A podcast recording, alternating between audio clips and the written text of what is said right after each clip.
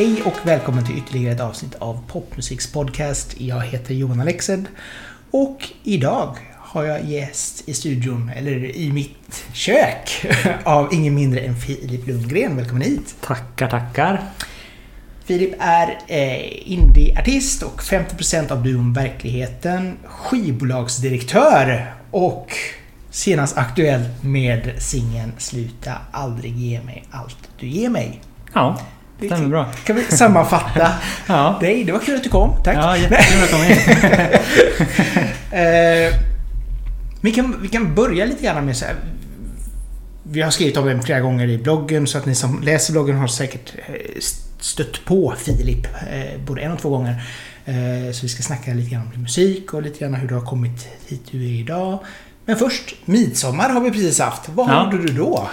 Då var vi hemma hos en kompis och satt ute på eh, en innergård och åt buffé, drack lite snaps och hade det trevligt. Inget regn. Nej, vi klarade oss faktiskt. Ah, Körde till och med en liten improviserad femkamp som var väldigt kul. nice. Ja. Det brukar ändå vara liksom den här standarden att det är regn varje midsommar. Vi hade faktiskt ingen regn heller men vi hade väldigt kallt. Ja. Så eh, det var lite så klassisk sommar Mm. ändå. Nej, men vi hade det bra. Ja.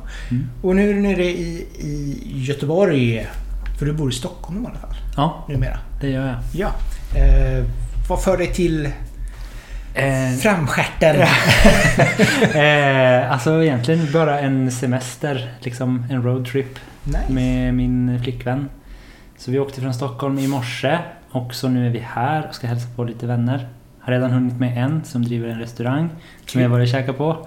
Eh, och ska vi träffa lite kompisar och sen åker vi vidare upp till Jämtland. Det ska vara en vecka och sen hem till Norrbotten i två veckor och sen tillbaka. Så det blir en riktig eh, sväng runt Sverige. Ja, det blir 45 hela vägen liksom. Ja, typ. Ja. Spännande. Vad, Ja. Blir det Liseberg eller blir det liksom så bara Nå, häng med vänner? Jag tror det blir mer häng Ja. på någon bar kanske. Nu när man får det igen. Framförallt nu kan man faktiskt vara uppe tills man är trött. Exakt. Och känner att nu måste jag gå och lägga mig. Så det är ju... Det är inte dumt. Nej, det är verkligen något som man har längtat efter. Även om, påminner alla att pandemin fortfarande Ja. inte är över, så avstånd, tvätta händerna, etc. etc. Ehm, vi tänkte vi skulle snacka lite grann också. När jag träffade dig första gången, eller när du släppte musik för länge sedan. Mm. Eh, lite mindre långhårig. Eh, Mm. Men nu har du i och för sig klippt dig ganska nyligen. Ja, nu har jag lite kortare än vad jag Ja, det brukar vara väldigt... De senaste bilderna man sett har varit lite grunge. Ja, det var jävligt. Jag klippte mig också typ två dagar efter jag tog de där pressbilderna. Så det kändes lite fel att eh, köra med dem, men ja, Men, det du, gick bra ändå. men du har alltid liksom så här, känn, så här... Ska det vara det här lång- långhåriga Filip? Det Ja. Liksom, ja. Jag har som haft det typ sen... Jag vet inte, jätte... Nej, det var någon sväng på gymnasiet där jag klippte riktigt kort. Okej. Men sen så har jag... Nej, känner mig mest hemma. När det är i alla fall nedanför öronen. Så, ja. Då var det, då var det synt, synt Filip en liten stund och sen bara Exakt. nej, nu behöver det bli lite rockigt igen. Men ibland på sommaren så känner jag att fan, man kanske bara skulle snagga. Men Mm.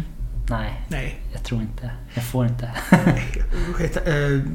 Thomas Stenström sa ju det i en intervju med honom. Han sa att det som är skönt med långt hår, det är verkligen den billigaste frisyren du kan ha. Ja, Det är bara, låt det bara växa och så behöver man inte göra så mycket mer. exakt. Och så är det ju ganska snyggt när man spelar live också. Att ha lite Ja. långt hår. Jo, Det, det har jag inte gjort. Jo, nu har jag det i och för sig, men det har ju gått ett tag sen jag gjorde det. ja, jo, det kan jag tänka. Och då kan du ändå liksom så här svänga lite grann med håret och så här. Så, Men det känns tryggt även om man sitter i studion bara. Kunna svänga lite med håret. Tycker jag. Någonstans så är du typ alltid aktuell. Det ramlar alltid ner någonting i min inkorg från dig och om dig och, och saker och ting som jag gjort. Alltså både då solartist och du och skivbolag. Eh, men du släpper ändå liksom regelbundet. Även om det har varit eh, just solo-Filip har det ju varit lite mer paus med de Mm. senaste åren. Exakt. Och nu har det kommit igång igen. Men hur håller du dig själv kreativ? För det känns ändå som att du har ganska mycket inom dig liksom. Ja, alltså det har ändå varit ganska svårt typ att hålla mig kreativ från att jag... Jag släppte ju mitt debutalbum 2015 och efter det så höll jag på... Alltså då var det ändå ganska länge som jag satt i studion och bara höll på och skrev massa låtar men det blev som ingenting. Men jag höll mig fortfarande kreativ men jag har liksom ändå känt någon slags ständig skrivkramp typ sen dess. Som har typ lossnat lite nu och det är ju skönt. Men det har liksom... Ja, jag vet inte men just alltså... Jag tror att jag har hållit mig ganska kreativ genom att göra massa olika saker också. Alltså, Framförallt tillsammans med andra kanske då också. Ja. Som, som exakt. peppar dig liksom. Precis. Och skriva med andra, producera åt andra, jobba med PR åt andra Mm. eller allt som jag har gjort är ändå så här... Jag har ju ändå alltid hållit mig nära musiken på något sätt. Mm. Även fast jag inte har släppt egen musik. Typ. Men var, var ser du dig själv liksom idag? För mycket av det som du har gjort i senaste tiden har ju varit som sagt var åt andra eller tillsammans med andra. Mm. Är det liksom... Ser du dig fortfarande som du är soloartisten eller har du blivit mer, ja men jag är producenten, jag kanske är PR-killen, jag kanske är... Ja, jag vet, jag, just nu känner jag mig lite så här, överallt. Jag vet inte. Jag har inte bestämt någon riktning. Men det är också för att jag tycker att allt är så jävla kul. Så jag vill som inte bestämma mig för något heller. Ja, men samtidigt Så. det är väl ganska skönt också att Mm. kunna ha den friheten och framförallt det är väl så med alla artisterier att man ska försöka hitta sin röst. Mm. Om det nu är i studion eller om det nu är liksom på ett skivkontor någonstans. Eller då Exakt. bakom mikrofonen. Ja. Nej men precis, jag tycker det... Jag vill ju liksom inte välja bort något. Så då gör jag allt. det är lika bra. Men hur, hur... Från Norrbotten från början. Hur, hur, Mm. hur var den skillnaden att göra musik där uppe gentemot nu när du flyttat ner till Stockholm? Ja, det är lite så här för och nackdelar med både och. Alltså uppe i Norrbotten finns ju till exempel BD Pop Mm. som jag jobbar... Nu jobbar jag också mycket med dem men liksom mer med PR åt artister som de släpper. Eh, Men när jag släppte min skiva och det så var ju de ett enormt stöd vilket ju är liksom ovärderligt. Har ju, då när man bor där så är det lite att man kanske tar det för givet. Eller så här, ja men BD Pop finns, man kan få lite stöd därifrån. Men nu är det så här när jag står på egna ben och inte får något stöd för att jag inte bor där. Eh, Eller får lika mycket stöd för att jag inte bor där. Då blir det ju liksom... eh, Ja, det är ju, då är det ju svårt Mm. att få ihop det själv. Så det är ju en väldigt stor fördel med att bo i Norrbotten. Ehm, och för de som inte vet är BD Pop så här regionägt och av kommunerna i Norrbotten äger det och de finansierar och stödjer musik från Norrbotten.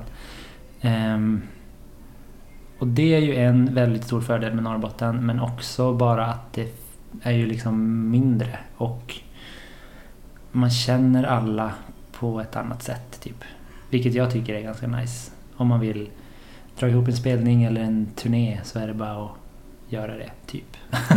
Ringa några samtal så sitter man på den lokala pizzerian Ja, tre dagar senare och exakt. bara spelar. Medan Stockholm är ju mera, alltså, jag vet inte vad rätt ord är, men elitistiskt om man ska säga så. Mm. Alltså det är ju där den allra största delen av hela musikbranschen i Sverige är. Och det är ju verkligen både fördel och nackdel också. Att man träffar mycket folk men det är ju så jävla svårt att eh, komma igenom det berömda bruset. Det, det kan jag tänka mig. Alltså om man går tillbaka till BD Pop, det känns ju ändå som att de på något sätt satt väldigt många musiker på kartan. Alltså Mm. det har ju varit en, en fantastisk hjälp för många känns det som. ja. Och just en region som man kanske inte förknippar så mycket med musik heller på det Nej. sättet. Inte nu för tiden. Nej. Förr kanske mer. Ja, nej, men just så här att det, det är ändå som så starka popakter som kom därifrån. Mm. Och att de har liksom så här lyft fram väldigt bra artister genom Mm. åren. Så det är ju imponerande fingertoppskänsla de ändå har för att satsa på, på lokala akter. Mm. Oh ja. Så att det, det måste ju vara... Och nu har det ju kommit sådär Dalapop och det har ju kommit Mm. liknande organisationer på, i andra regioner också. Mm. Och jag tycker det borde finnas överallt. Jag förstår inte varför det inte gör det. Ja men faktiskt. Alltså vi har ju Göteborg Company här då som är någon form av paraplyorgan då för, för kultur och evenemang i staden och även då turism. Mm. Eh, som ska ha någon form av musikdel men det känns inte riktigt som om att Nej. de, de har den funktionen att lyfta fram och, och jobba med, med... Eller se till att yngre förmågor får någonting. Nu har vi ju Brewhouse i och för sig. Där finns det ju lite grann ja, studior och sådär. är det spelställe? Eller? Ja, det är spelställe och att de har studio och annat. Så Ah, där, där okej. finns ju Mm. ändå någon form av eh, den typen av, av hjälp. Eh, så att det, lite grann så, men inte, inte, det känns inte så tydligt som Nej. BD-pop liksom. Nej. Eh, och Dala-pop liksom. Så att... eh, ja, jag tror det finns, det finns nog mycket för de olika regionerna att Mm. hjälpa till att lyfta fram. Ja, verkligen. Det är bara, jag tror alltså Dalapop har ju i princip kopierat BD-pop-grejen. Mm. Så vitt jag vet. Och det... Nej, men, Hur svårt kan det vara, nej, jag men, att säga. nej, men det, det, Det- det känns ju som en helrätt grej att göra liksom. För att det är ju så mycket pengar i musik när det väl Mm. börjar hända någonting. Ja, Fortfarande. Eh, verkligen. Och just det här att du kan få hit akter som kan skriva, du kan få hit konserter och så vidare och göra ett nätverk. Mm. För jag menar, det är klart att många av de här mindre städerna behöver ju också ha ett levande kulturliv liksom. Verkligen. Så det är, det är jättekul. Vad var det som fick dig att flytta till Stockholm? Alltså egentligen eh, inget särskilt. Du bara vaknade i morse och så bara... ja. Ja, nu Nej jag men dit. det var så här, jag... eh, Typ när jag hade slutat gymnasiet. Eh, då... Det var liksom samma höst som jag släppte min skiva. Då bodde jag i Luleå där jag gick gymnasiet. Och eh, sen åkte jag på en liten turné. Jag tror det var då vi sågs Mm. kanske. Hösten 2015. Ja, det kan stämma. Eh, och sen då våren 2016 var det lite så här att alla kompisar hade flyttat någonstans typ. eh, vilket ju är lite sorgligt. Men, eh, och jag och min tjej hade alltid velat bo i Stockholm. Så då flyttade vi dit och testade det. Så nu bor ni i andra hand eh, och flyttar Ja. varje vecka? Lite så. men, ehm, Stockholm. ja, men jag trivs ändå där. Mm. Tycker det, det tog ungefär ett år typ innan jag började trivas. Det var ändå så pass. Ja, men eh, då har jag också, eller är ju väldigt Norrbottens patriotisk också. Så det var lite så här, ja, jag vet inte. Tyckte det var så mycket folk och ljud och tåg och och hade liksom ingen riktigt sammanhang, jobba på kundtjänst. Och, men sen började jag plugga eh, musik, folkis, och då blev allt bra. Fick jag lite sammanhang. Bara, vad är alla renar? ja, exakt. Det händer ingenting här. ja, lite så. Ja, vi tänkte vi skulle snacka lite grann om inspiration för dig och eh, bara eh, lista fem album slash låtar. Mm. Att diskutera lite grann kring... Jag tänkte vi kan köra igenom och så Ja. Kan du berätta lite grann om varför. Ja, men den första som jag kom på det var ju Mattias Alkbergs skiva Anarkist. Mm. Som kom, jag tror det var 2011 eller något sånt. Då gick jag på högstadiet och, och jag gick musikklass. Där det var väldigt mycket eh, spela, den som kan spela snabbast på gitarren vinner. och eh, eh, ja men såhär tonårsgrej. Grej. men det var super, alltså jag älskade det. Det är fortfarande min bästa tid i livet typ på högstadiet. Så det var skitbra. Men det var i alla fall den skivan. På något sätt så... Eh, den släpptes ju av ett skivbolag som heter Teg Publishing. Som fortfarande finns kvar. Men då höll de till i Luleå och det tyckte jag var så jävla coolt. Att det var ett skivbolag i Luleå och då började jag liksom lyssna på Matti Alkberg och Magnus Ekelund och Stålet och allt sånt där. Och tyckte att den där skivan var så jävla cool bara för att den är så stökig och han sjunger ju inte så traditionellt vackert. Eh, så det fick mig väl på ett sätt att upptäcka indie, typ. Den Ah. skivan. Gick i korridoren där och med dem i den skivan i hörlurarna och bara kändes som att jag hade förstått något som ingen annan hade. Hybris när man är Du bara... 14 typ. Eller vad jag. Mattias har du väl hört? Exakt. Kom igen. Ja, men det var lite så, ah, har du hört Mattias Alkberg? Alla bara, nej. Lyssnar bara på, jag vet inte, Radiohead typ. De är ju också bra, men De, ja. det känns väldigt så här musikermusik också. Jo, men, men, men, men när du säger att du hade en fantastisk tid i, i gymnasiet. Ja, högstadiet. Högstadiet, förlåt. Ja. Eh, det är ju också en sån period som många har det ganska jobbtufft i. Ja, Vilket är också intressant.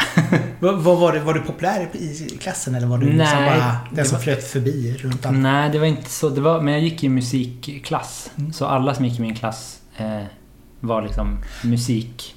Det, det var en musikklass. Mm. Så vi hade musik, jag tror det var alltså fem dagar i veckan på schemat. Och eh, spelade ensemble typ tre dagar i veckan. Och hade typ teori och musikhistoria och sånt resten. Och det var ju bara så jävla grymt. Ja, okej. Ja, då, då sitter ju alla i samma båt också. Ja men exakt, så det var väldigt liksom bra sammanhållning i klassen och det var ja men bara bra. Men då låter det som att musik någonstans alltid, alltså att det har varit ditt kall från början någonstans. Ja, jag tror det. Lite så. när, när kände du liksom att okej, det här är... Ja men det var väl lite då när jag började, så gick musikklass och startade mitt första band och sånt. Eh, Vad hette det första bandet? eh, först hette vi, då var det liksom Filip Lundgren. För då skrev jag mina egna låtar. Ja. Och så skaffade jag ett kompband så hette vi Filip Lundgren och Barnen. för att de gick ju, vi gick ju i sjuan och åttan typ, så tyckte vi det var lite kul. och sen så döpte vi om oss till eh, bara, alltså Barnen. Det var roligt. Ja. och sen, eh, ja, när jag började gymnasiet så började jag med solo igen. Liksom. Ja.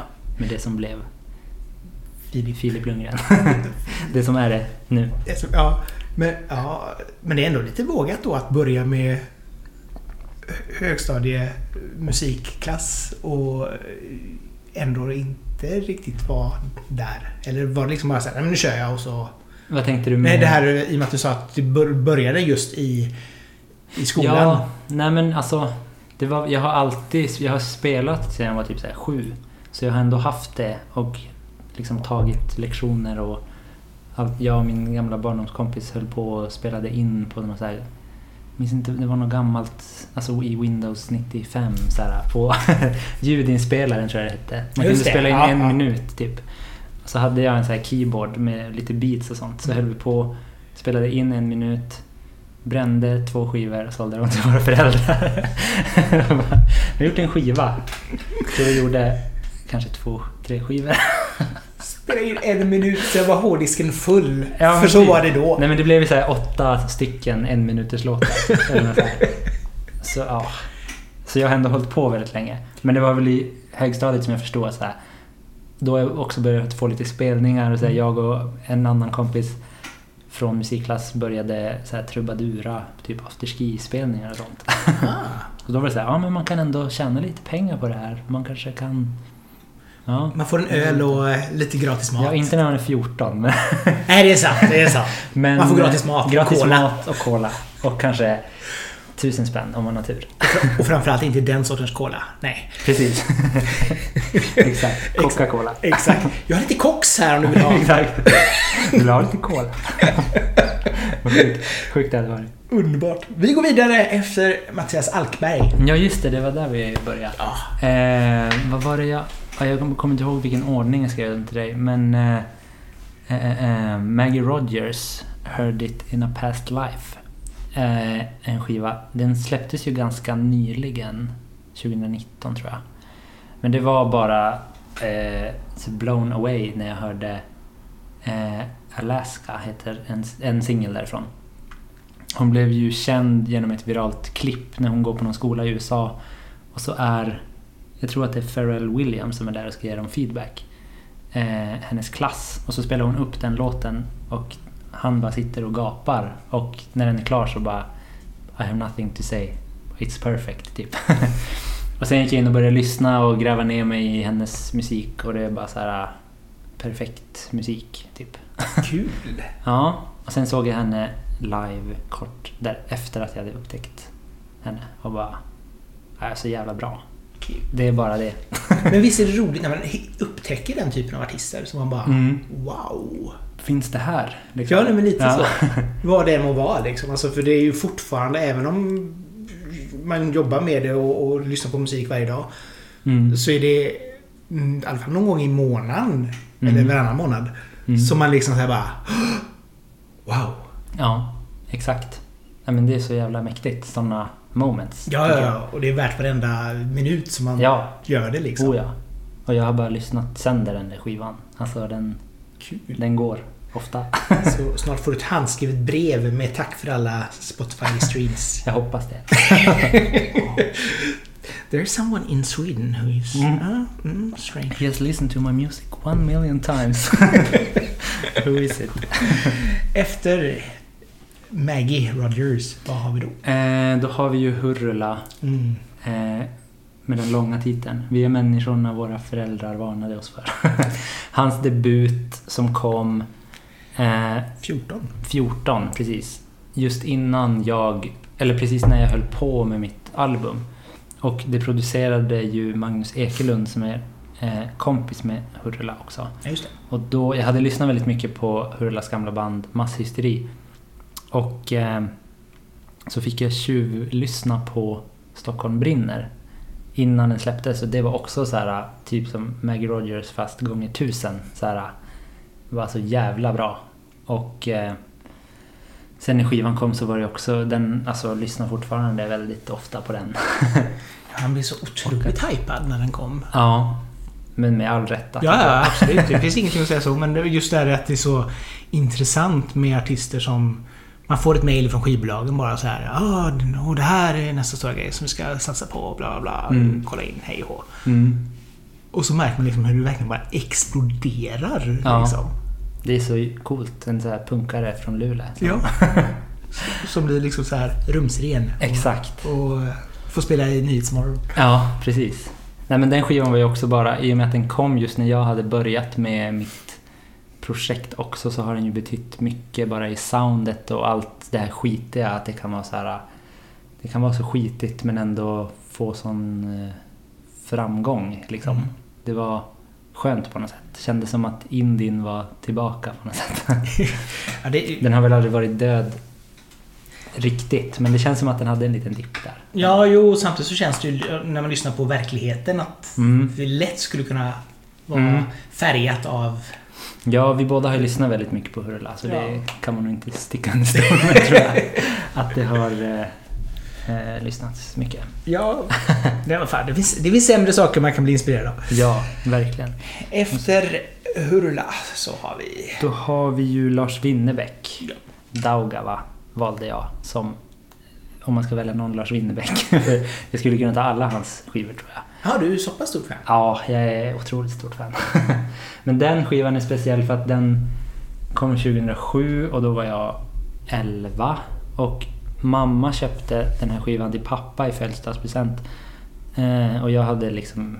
Ja men, pappa gillar mycket så här Ulf Lundell, Lars Winnerbäck och typ Totta Näslund. Jag okej. tyckte väl att det var så här lite gubbar bara som sjöng med mörk röst, vilket det ju är.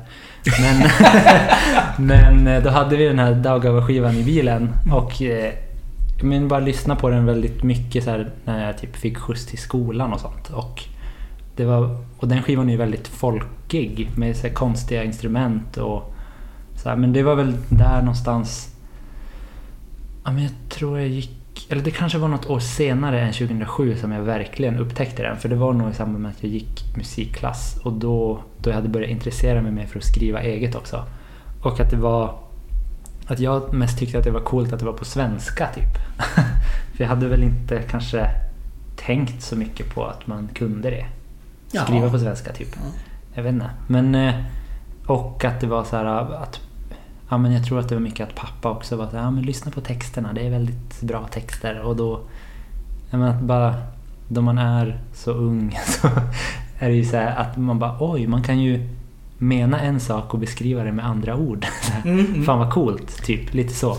Då tog Så fram var- synonymlexikonet Ja men och bara... lite så. typ. Ja. ja. men så den, eh, ja. Bara en skiva som följer med. Men eh, det, så det, du, det var inte liksom så här om du lämnar med nu-låten som fick det utan det var verkligen hela plattan Nej, liksom. Det var nog hela plattan tror jag. Men kanske att den var lite extra just då för att den var ju väldigt mycket på radio. Ja, den var ju... Eller är väl fortfarande. Ja, det är- aldrig slutat spelas. Nej, det är väl hans största hit någonsin Ja. liksom. Så att... eh, Exakt. Det är ju lite roligt ändå. Ja. Men, men det här med, med texter innan vi tar sista låten eller till sista stycket där. Mm. Men, men eh, hur... brukar du själv få fram text, eller känna att du vill arbeta med texter? Hur vill du inspireras för att skriva Ja, text? jag tycker ju att text är typ 99% av en låt. Mm. alltså så pass viktigt. Ehm, men jag har inget särskilt sätt tror jag som jag skriver. Utan jag vill bara att det ska vara ärligt. Typ. I alla fall om det är mina egna låtar. Ehm, så jag har väl egentligen, jag bara skriver det jag tänker på eller känner. Eh, och i alla fall utgår från det och sen så om det tar stopp så kan man ju börja hitta på lite och kanske hitta tillbaka till kärnkänslan på något sätt. Men eh, nej, jag har inget särskilt sätt Nej. så. Men att jag bara tycker att det ska vara bra eller mm, betyda något. Ja, nej, men jag förstår. För det är ju också intressant lite grann hur man hur man börjar ett arbete med, med sin musik. Alltså om Mm. det är liksom man sitter med gitarren och så klinkar och så försöker man komma på någon skön melodi eller om man upplever någonting, känner någonting och bara åh det här måste jag skriva ner och så skriver man ner liksom Mm. Eh, lite grann dagbok slash ja. Mm. Hur brukar det vara för din del där? Men jag är nog lite både och. Förut så skrev jag väldigt mycket att jag bara skrev en text, alltså typ hela låten. Och sen så försökte jag tonsätta det på något sätt. Ja. Vilket ju är ganska... Jag tycker att det är väldigt svårt. Så jag förstår inte varför jag envisades med att göra så. Men nu för tiden är det ju mera... Eh, ja men nu producerar jag ju allt själv och för det mesta spelar typ allt själv också. Så då sitter jag ju mycket i studion och kanske kommer på... Ja men som den här senaste singeln jag släppte var det bara att jag satt och höll på med min bas och började spela det här basriffet och loopade det och sen så höll jag på och byggde på grejer och sen kom sångmelodin och sen så kom texten sist istället. Typ. Spännande. Ja, Ja, men det, så det varierar lite. Alla har väl sina olika sätt och man ska väl som sagt vara hitta sitt sätt att jobba på också. Det är väl viktigt. Sista in, nedslaget i inspirationslistan. Ja, men precis. Där har vi ju Ariana Grande. Into you. Väldigt såhär bara, ja rock, rock. Och så, mm, ja. Ariana Grande. Ja, men den här var bara att jag efter all, ja men från 2011 lyssnat på Mattias Alkberg och svensk indie och var så jävla insnöad i det. Och sen så... Eh, jag tror att det var i samband med att jag började på musikfolkhögskola 2016 typ. Började vidga mina vyer lite mer, kanske med vad, vad för musik jag kan lyssna på. Och så hittade jag den här och tyckte det var bara svinbra. Alltså, Det var så här kul att hitta en sån här hitlåt som man verkligen gillar och vill lyssna på efter att bara ha hört punk och indie i fem år typ. Oj, så det blir pop, popsnöret fint. Ja, det blev lite så. Och så här, ja, men när jag började plugga då låtskrivande så blev det så här att börja plocka in, ja, men bara lyssna på mer musik för att hitta inspiration och så här och börja så här, producera mer på riktigt, sitta i studion och sånt. Och då var den låten en väldigt bra inkörsport eller vad man ska säga till att så här, ja, men så här, det är så jävla grym produktion på den låten och bara jobba mycket med att sitta och lyssna på detaljer, alltså i, på den utbildningen. Och liksom försöka dissekera produktioner och sånt. Så den var så här min ständiga referenslyssningslåt om man ska mixa en poplåt eller prova ett par högtalare. Ja. Tycker jag den är bäst.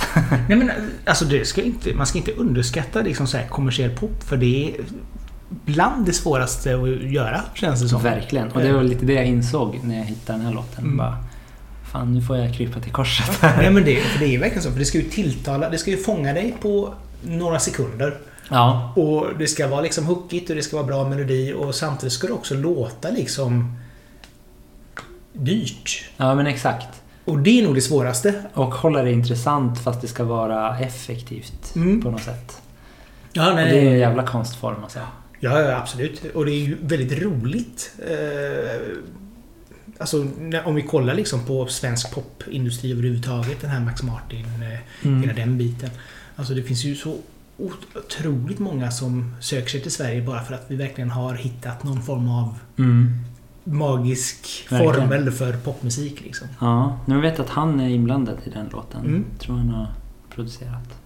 Jag hörde något rykte om att det är hans röst som är basen i den låten. Att de har samplat Coolt. när han sjunger typ och så har de bara kört den som en bas eller något liknande.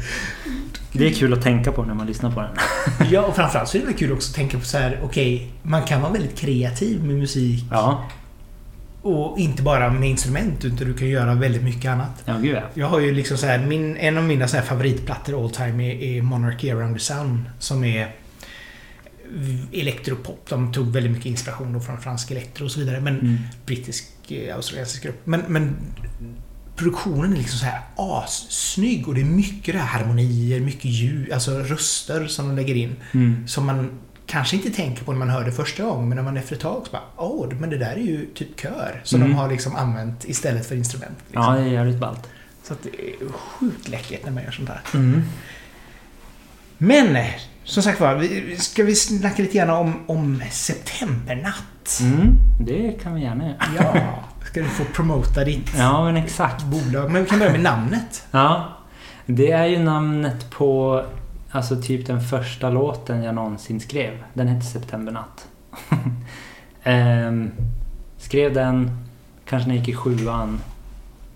Ehm, jättelökig låt. Men en fantastiskt fin eh, titel. Ja, men jag tycker det.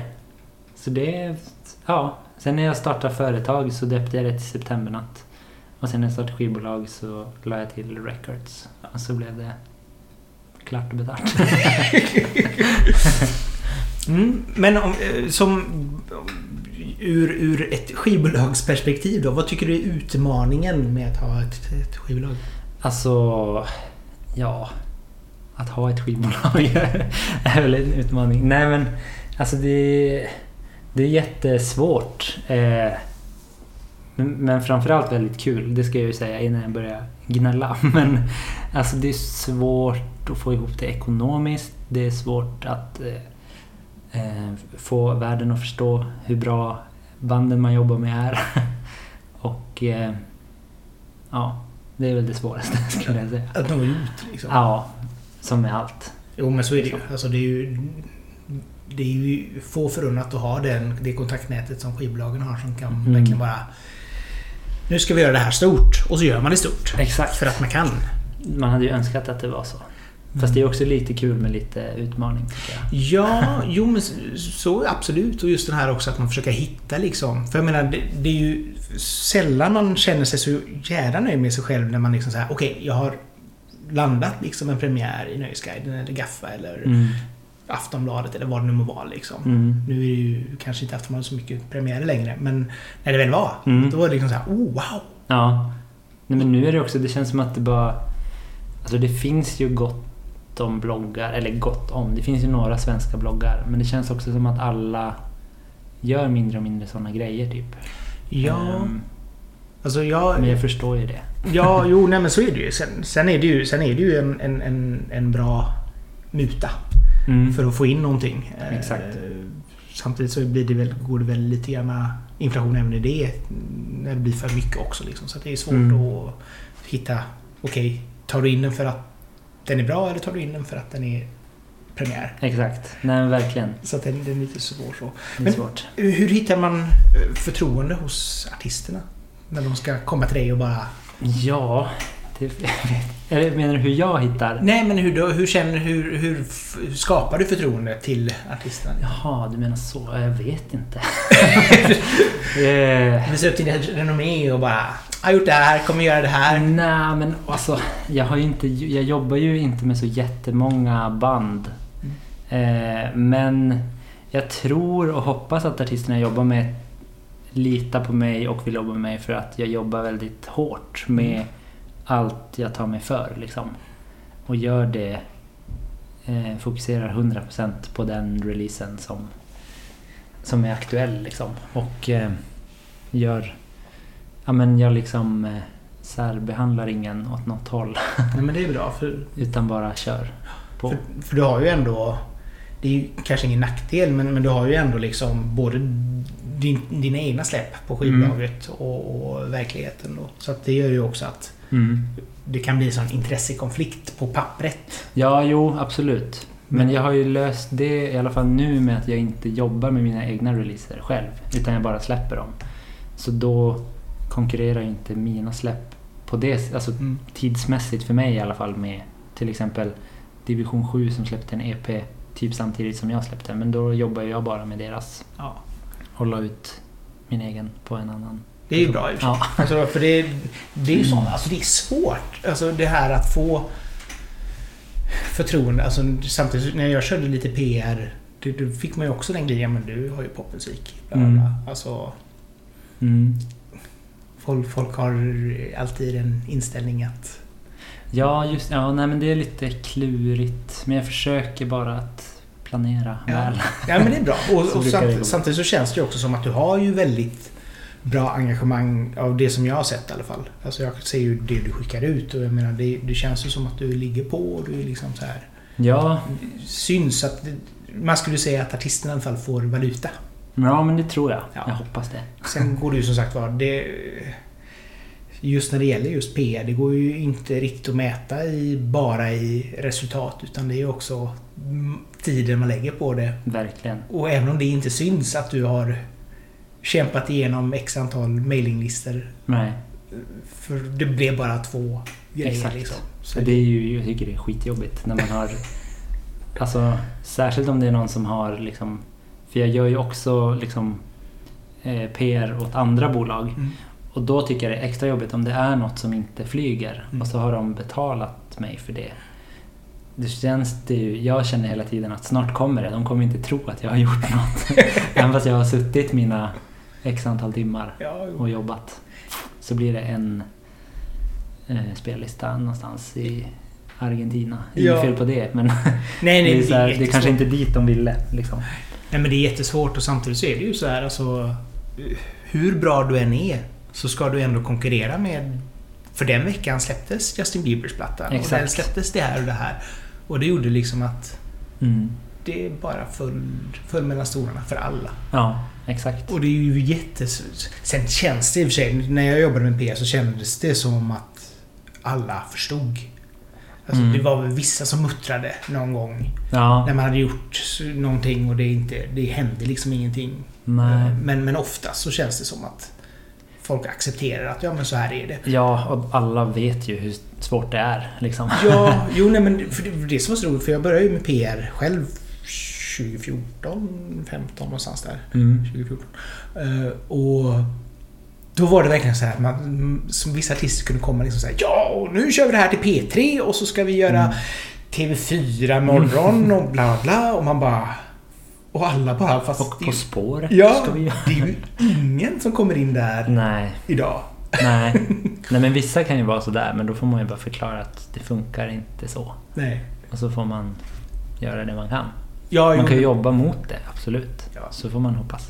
Ja, alltså jag är ju sån här. Säger de att ja, men jag vill den här typiska. Mm. Eh, Säger de att man ska hoppa så frågar man hur högt. Och det är ju samma sak där. Att säger de att åh, jag vill komma in På spåret. Mm. Ja, då skickar jag eh, Mm. information dit. Exakt. Och tar kontakt med dem. Ja, Och så ser vi. Och så... då har man gjort det i alla fall. Ja. Och det är väl det, det är så mycket man kan göra liksom. Och så får man Ja. hoppas på det bästa. Exakt. Eh, Så vad känner du fort, eh, fortfarande har varit din, din största bedrift med, med skivbolaget? Vad har du... Känner du att oh, Uh, med skivbolaget, om jag ska tänka... ehm, bortsett från mina egna grejer. Nej, jag skojar. Nej, men jag är väldigt stolt över mina egna släpp såklart. Men jag är ju väldigt svag för Division 7 som, som Ja. jag släpper på Septembernatt. Och är väldigt glad över att de vill jobba med mig. eh, tycker bara det är så jävla bra. Mm, kul. Och eh, deras låtar går ändå bra för att vara indie. Alltså indie-indies. Mm. Både på bolagssidan och musiken liksom. De har ju väldigt trogna fans. Eh, som är liksom... Som verkligen lyssnar och kommer på spelningar och eh, allt. Så det är svinkul att jobba med dem. För det är ganska alltså, lättjobbat på det sättet att Mm. det blir alltid på något sätt lite bass när de gör något. Kul. Ja. Och, det- och det är väl också skönt att ha en, en sån akt. Verkligen. Som inte kanske inte är självspelande piano, men man vet ändå att okej, det kommer bli någonting. Ja, verkligen. Och de är ju verkligen så här. Bara för att de jobbar med mig och eh, har ett skivbolag då så är ju de inte att de bara tänker att nu har vi fixat det här. Utan de jobbar ju lika hårt som jag, vilket ju är grymt. Kul. Det är nästan en förutsättning också. Ja, ja nej, men det är jätteviktigt. Ja. Alltså, bara för att man har skaffat sig en PR, i det här fallet så är det ju skivbolag, men Mm. har du skaffat PR så betyder det ju inte det att man kan sitta med armarna i kors och bara vänta Nej. på att spermarna ska komma in i munnen, Verkligen. som det heter. Exakt. Eh, Men det är ändå liksom så här.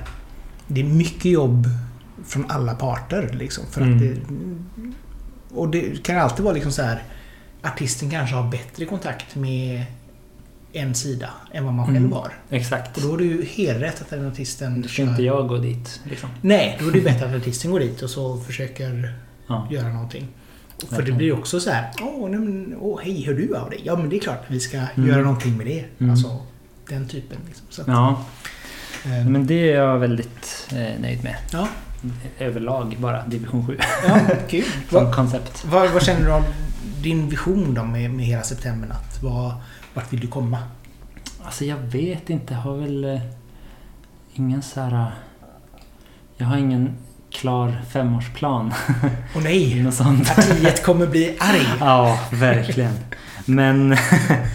Nej men jag vill väl bara släppa bra musik som jag själv eh, vill lyssna på.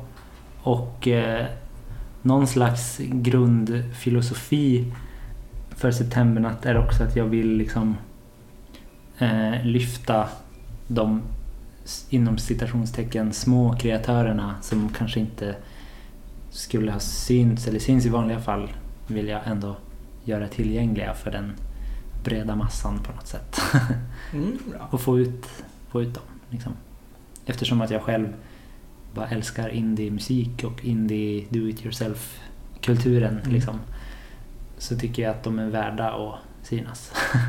Jo, det behövs ju eh, den typen av kanaler också. Mm. För jag menar, visst det är klart att många kan ju släppa saker och ting själva. Mm.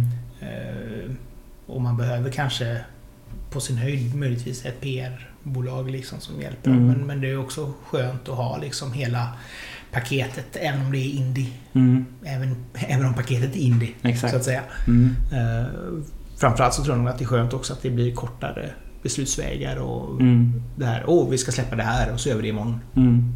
Exakt. Eh, Det kan man ju verkligen. Om man vill. Ja, in, inte att, att föredra men... eh, Nej, verkligen inte. Men det går. Det är så många som har hört av sig så bara så här, du vi släpper en låt nästa vecka, kan du hjälpa mig med det? Och man bara, Mm. "Mm, okej. Det har jag också varit med om. Då säger jag nej. Nej men det är bra. En, en månad är bra i och för sig. Ja, Så, Absolut. så man hinner få, få gjort någonting. det är bra. Du har ju även egen studio förstod jag. Ja, ett litet eh, krypin bara egentligen. Ja okej. En liten proddstudio. Ja, ja, men det är ändå så att du kan jobba med Ja. artister ja. och så vidare. Mm. Vad tycker du är din styrka som producent?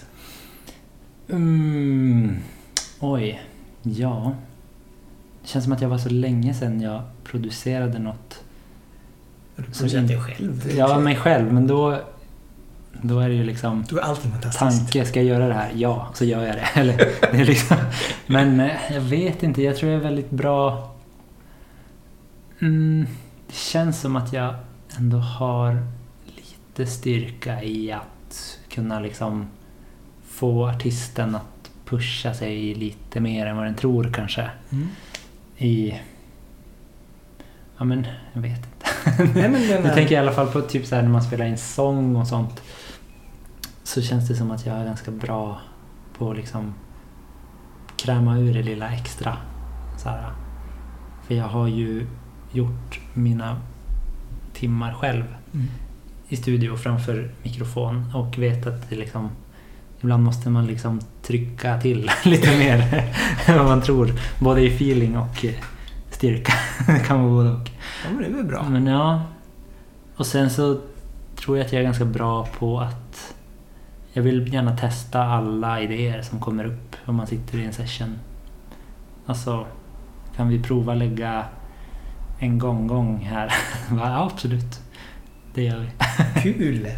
Alltså, sen kanske man inte behåller den till slutmixen, men då har man i alla fall testat. Jo, men det är väl det som är viktigt. Att våga testa. Det tycker jag. Gör man inte det så har man liksom ingenting att komma med överhuvudtaget. Liksom. Nej. Eh, lite grann av verkligheten. Mm. Ditt projekt med Erwin Ekstedt. Mm. Eh, hur är statusen på duon? Vi kan börja där. Finns ni? Eh, ja, det gör vi.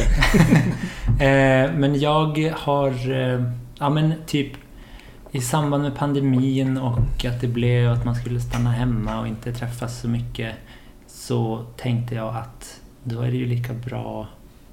Eh, för jag har känt ganska... Eller vi har jobbat otroligt mycket och intensivt med verkligheten. Eh, vilket ju har varit väldigt roligt. Eh, men typ i höst, det var nog i höstas någon gång som jag kände att nu vill jag ändå ge eh, Filip Lundgren som musikprojekt lite kärlek också. Så då, ja, bara en liten paus, Mm. typ.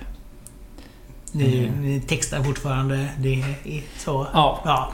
men det är eh, lite mindre än vanligt. Men så här, ja. Men hur började, hur började projektet? Eh, det var eh, när vi pluggade på den här låtskrivar folkhögskolan som vi träffades. Och ehm, Edvin kommer ju väldigt mycket ifrån, nu kommer han eh, eh, bli arg på mig för att jag inte vet. Men eh, jag tror att man får säga liksom emo-musik. Ja. Och eh, Evanescence. Ja, lite, jag vet inte, lite hårdare än så tror jag. Men jag vet, jag vet inte riktigt vad man säger det. Det finns ju en miljard undergenrer till emo, emo-core, bla core, core, core, core. Så, här. Okej. ja. så jag ska inte ge mig in i det. Men den... Rock, hårdrock, nej det får man inte säga heller.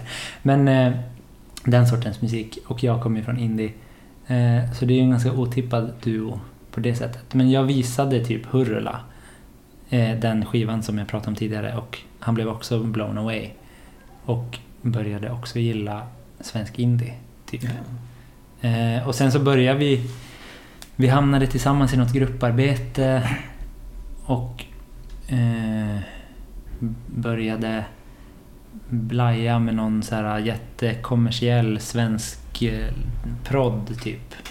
Och så sa vi att fan, vi, vi gör några låtar och så släpper vi det liksom ironiskt, typ som en hemlig duo. eller så, här. Eh, så gjorde vi några låtar. Eh, och så skulle vi släppa det. Men det var typ när vi hade mixat och så här skulle skicka det på mastering så, koll, så hade vi ett bandnamn. Så kollade vi på Spotify så, och då hade det inte funnits något som hette det. Men sen så kollade vi och då fanns det det. Och då blev det som att vi bara... Ah, då skiter vi i det typ. och det var lika bra för den låten är fruktansvärd. eh, så sen så blev det att vi bara, äh, men fan vi kanske ska göra något på riktigt istället. Och så blev det verkligheten.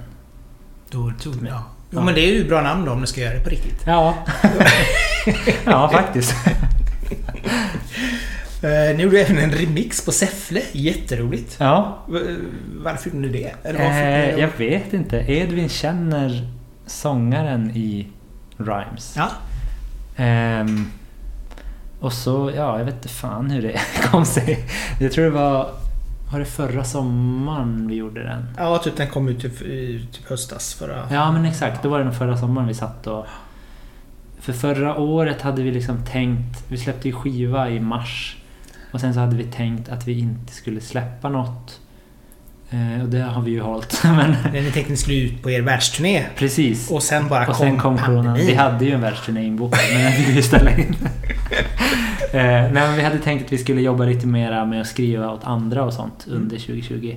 Eh, alltså det var innan corona kom som vi hade den planen. Men sen så sket ju det sig också för då skulle man ju inte träffas. eh, men då sågs vi lite grann och skrev lite grejer och eh, sen så hade Edvin pratat med Thomas, hette han, tror jag. Och så skulle de ha remixer på några låtar och så gjorde vi den där. Kul. Ja, den är ju lite... Den börjar ju typ så lite rockig. Ja. Och så tänkte man liksom så här, åh det här låter ju verkligen, verkligen, verkligen, verkligen. Och sen bara, oj, men nu blir det lite dansant här i slutet. Ja. Ja, så att den är lite, lite rolig på det sättet. Men vi körde på, lekte liksom. Ja, men, det, men det är väl också det som är det fina med att göra remixer. Att Mm. då kan man ju lära sig, eller bli bättre på att producera. Ja, verkligen. Öva på det och samtidigt också så här bara... Gå loss lite. Ja, inte ha några som helst spärrar liksom. Mm. Så att, eh, Men så det var kul. Den hade jag nästan glömt bort. Kul att du hade koll på det. Nej men det är ju det är en sån typisk grej som man som jag tror att många fler borde göra. Alltså Ja. remixa. Faktiskt. För att även om det kanske är så här, åh nej men jag vill inte göra dansmusik. Nej. Det, det är ju väldigt bra sätt att lära sig Ja. och liksom som sagt var testa nya saker. Våga göra saker som du kanske inte vågar göra med ditt eget projekt. För att Mm. där ska du ha ditt visst sound. Liksom. Verkligen. Jag gjorde ju en remix också på eh, Loser. Alltså Hampus Karlsson. Om Ja, du känner till. Han Ja, ja. hade ju ett projekt där han släppte en låt i veckan. I typ, just det. jag, vet inte, jag tror han precis är klar med det. Men då släppte han en låt en vecka och sen kom det en remix veckan efter. Ja, just det. Då gjorde jag en sån också. Men den blev också, det är liksom en indie-remix. det tycker jag är lite kul också. Ja men det blir eh, lite annorlunda Man får liksom. bredda begreppet remix lite. Inte bara house. Nej, nej, nej, nej. Fast det är helt rätt liksom. Ja. Eh, senast... Ganska, jo, men ganska senast var Alva då, samarbete med henne. Mm. Eh, det är inte bara månen. Mm. Jättebra låt. Berätta, hur kom ni till Rosamund? Eh, Hur, blir- hur blir det ni? Ja, nej men vi... Eh, eh, jag fick frågan av Dalapop, alltså BD, Dalarnas motsvarighet till BD Pop, att eh, komma på låtskrivarcamp med Alva. Eh, vi hade aldrig träffats eller något sånt. Eh, och sen typ en månad innan det campet så hörde hon av sig och frågade om vi ville gästa på den här låten. Bara för att, ja, jag vet inte. Hon tyckte väl om min musik. Ja, ja, ja. Eh, och det ville jag absolut. Så då... Det var lite bråttom så jag spelade nog in den på någon timme bara. Det. sång. Ställde dig i garderoben och Ja. sjöng. Exakt. Så du, du hade ingenting med just skrivandet och hela den biten? utan Nej. bara liksom... Jag har inte box. skrivit vad jag skriver låten. Däremot så har jag skrivit om lite i min vers, äh, så här, i stunden. Mm. Typ. Så att det skulle kännas naturligt för mig. ja. Jag tänker inte ta det där ordet i munnen. Nej då. Du tänker jag säga så. Till exempel Dalarna var faktiskt ett ord som vi tog bort. Jaha! Som jag ville säga, men jag kan inte riktigt sjunga det. Dalarna. För det, ja, nej, det är ju Norrbotten som gäller här. Ja, ja, nej det är sant. Det är sant. Så vi... Men det gick ju bra ändå. Den blev fin. Jag tycker om den jättemycket. Ja men den är jätte... Ja, faktiskt. Så Mm. att eh, ni som inte har hört den än, sök på Alva. Mm. Och det är inte bara månen. Eh, ja, och nu är du aktuell som sagt för det senaste du har släppt då. Sluta Mm. aldrig ge mig allt du ger mig. Också Smidig titel. tungvrickartitel. Ja. Eh, Den var uppenbarligen väldigt lätt att skriva, läste jag. ja, faktiskt. Ja, berätta. Hur kom den till dig? Ja, nej, men jag var inne lite på det tidigare. Jag satt och lekte med min bas i studion. Ehm, loopade den och började lägga på några jättekonstiga, eller konstiga men så här trumsamples som lät inte som jag brukar, som de brukar låta. Tänkte bara att jag skulle göra något lite annorlunda typ. Och Um, ja, sen jag vet inte, jag, den verkligen rann ur mig så här. Vilket ju är väldigt skönt eftersom att jag har haft väldigt mycket skrivkramp och så här, ja men lite ångest över vad som är rätt och vad som är fel i låtskrivande. Men i den här låten så kände jag bara att nu kör jag och tycker jag att det låter bra så är det bra. Typ. um, så det var ju asskönt. Och Nice. sen skrev jag väl en text och så som jag brukar göra, liksom låter den vila några dagar och sen skriver jag om den, låter jag vila och så kanske jag pillar lite till och sen får det vara klart. Det är ändå så pass eh, kort. ja, alltså ibland. Ja. Men ibland, typ nu håller jag på med lite nya låtar och de är verkligen så här. Vissa, eller många av dem, det är nog de flesta, när jag tänker på det, som jag har skrivit typ under hösten. eh, men de håller jag fortfarande på med så här ord som inte känns rätt eller Ja, okej. Så måste fundera lite innan jag lägger slutgiltiga sången. Typ. Men det, är det kan jag tänka mig också är ganska svårt liksom att hitta den här... Mm. Alltså som sagt det ska kännas naturligt när man sjunger det Mm. och samtidigt ska det inte vara blajord. Liksom. Nej, Eh, exakt. Och jag vill inte liksom förminska något eller förstora något heller. Så det ska vara, det ska vara avvägt Åh, på alla du, sätt och vis, tycker jag. du är inte den som gör de här svulstiga balladerna med mycket Nej. känsla och... Nej, den här Du lyser som jag släppte är väl lite där och nosar kanske. Men... eh, Ja, inte riktigt. Nej, nej, nej, alla, alla har vi våra olika läggningar som det heter. Precis. Ja. Nej men sen efter det så, så åkte jag upp, eller då var det Den här slutar aldrig ge mig allt du ger mig. Skrev jag väl i kanske oktober. Och sen kring jul så åkte jag upp till Norrbotten och eh, satte mig i BD Pops studio i två dagar. Eh, för att göra klart den och hittade deras det står en gammal gitarrförstärkare där som jag älskar.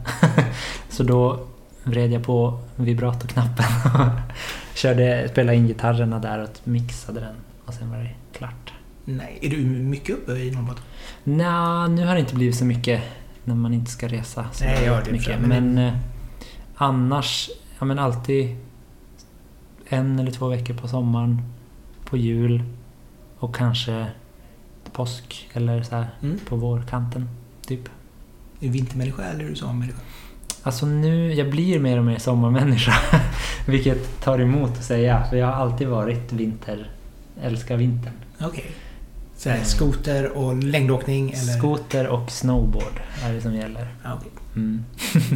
Det är liksom det man måste lära sig där uppe tror jag. Så här. Ja. Åka skoter. Faktiskt. Ja. Jag har ju skoterkörkort, men jag vet inte vart jag har det. Men jag vill väldigt gärna ha det i plånboken och kunna dra fram det som partytrick.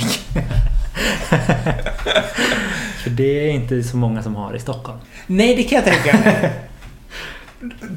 Absolut. Men det, ja, ja, men du får leta upp den. Eller Ja. så får du be dem skicka ett nytt. Jag tror att det har gått ut nu, men eh, jag, måste, jag ska förnya det. Jag måste ha det. Kan man bara förnya det eller behöver man göra en ny uppkörning? Eller Jag är tror att det bara förnya det. För det provet var... Det var alltså, det, man skrev det på papper. Och det var ett kopierat papper där någon hade svarat redan. Så det var bara liksom ringa in. Och så var det liksom frågor så här.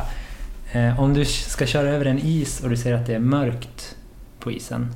Vad ska du göra då? Och då är det ju alltså en isvak för Mm. de som inte vet. Men då var det så här.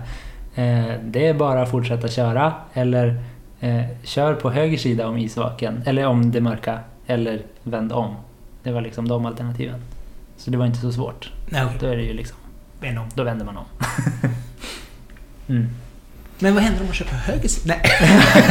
Alltså om man kör riktigt jävla fort så går det ju faktiskt att köra över vatten också. Jag har aldrig testat det men det går. Ja, det känns som att man vill inte vara den som testar det en, en lördagsnatt klockan två. Precis, men jag vet att de har haft, i Piteå har de haft eh, en eh, tävling, alltså liksom ett mästerskap med snöskoter på, alltså på sommaren.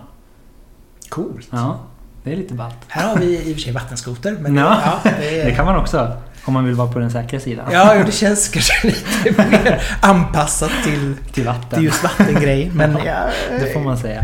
inte helt säker. Vad eh, händer? eh, Två singlar i år, än, Mm. än så länge. Mm. Ehm, du lyssnar heter den. Eh, Du lyser. Du, du lyser, förlåt. Mm. Heter den första ja. Mm. Eh, vad, vad händer mer? Ehm, planen är att det kommer i alla fall en till singel i år. Mm. Vet inte när. Kanske september eller oktober. En septembernatt kanske? Kanske. Version 2. Nej, den får nog ligga där den ligger tror jag. Men eh, det kommer i alla fall en singel till. Och sen har jag eh, lite låtar på gång. Som vi får se Mm. vad som händer. Kul. Jag har sagt förut, säkert tre gånger, att så här, ah, nu kommer när jag har släppt singlar, så här, det här är singlar från en EP som kommer. Men jag har aldrig haft någon EP, så jag vågar aldrig säga det längre. Nej. Jag tänkte att jag säger det för då kommer jag göra en EP, eller ett album. Men nu säger jag bara att nu släpper jag singlar och så får vi se Okej. om det kommer något större. Så, så, så jinxar du någonting så jinxar du att det faktiskt blir ett album istället. Ja, precis. Ja, så... Jag ska säga det först när jag har albumet klart, tror jag.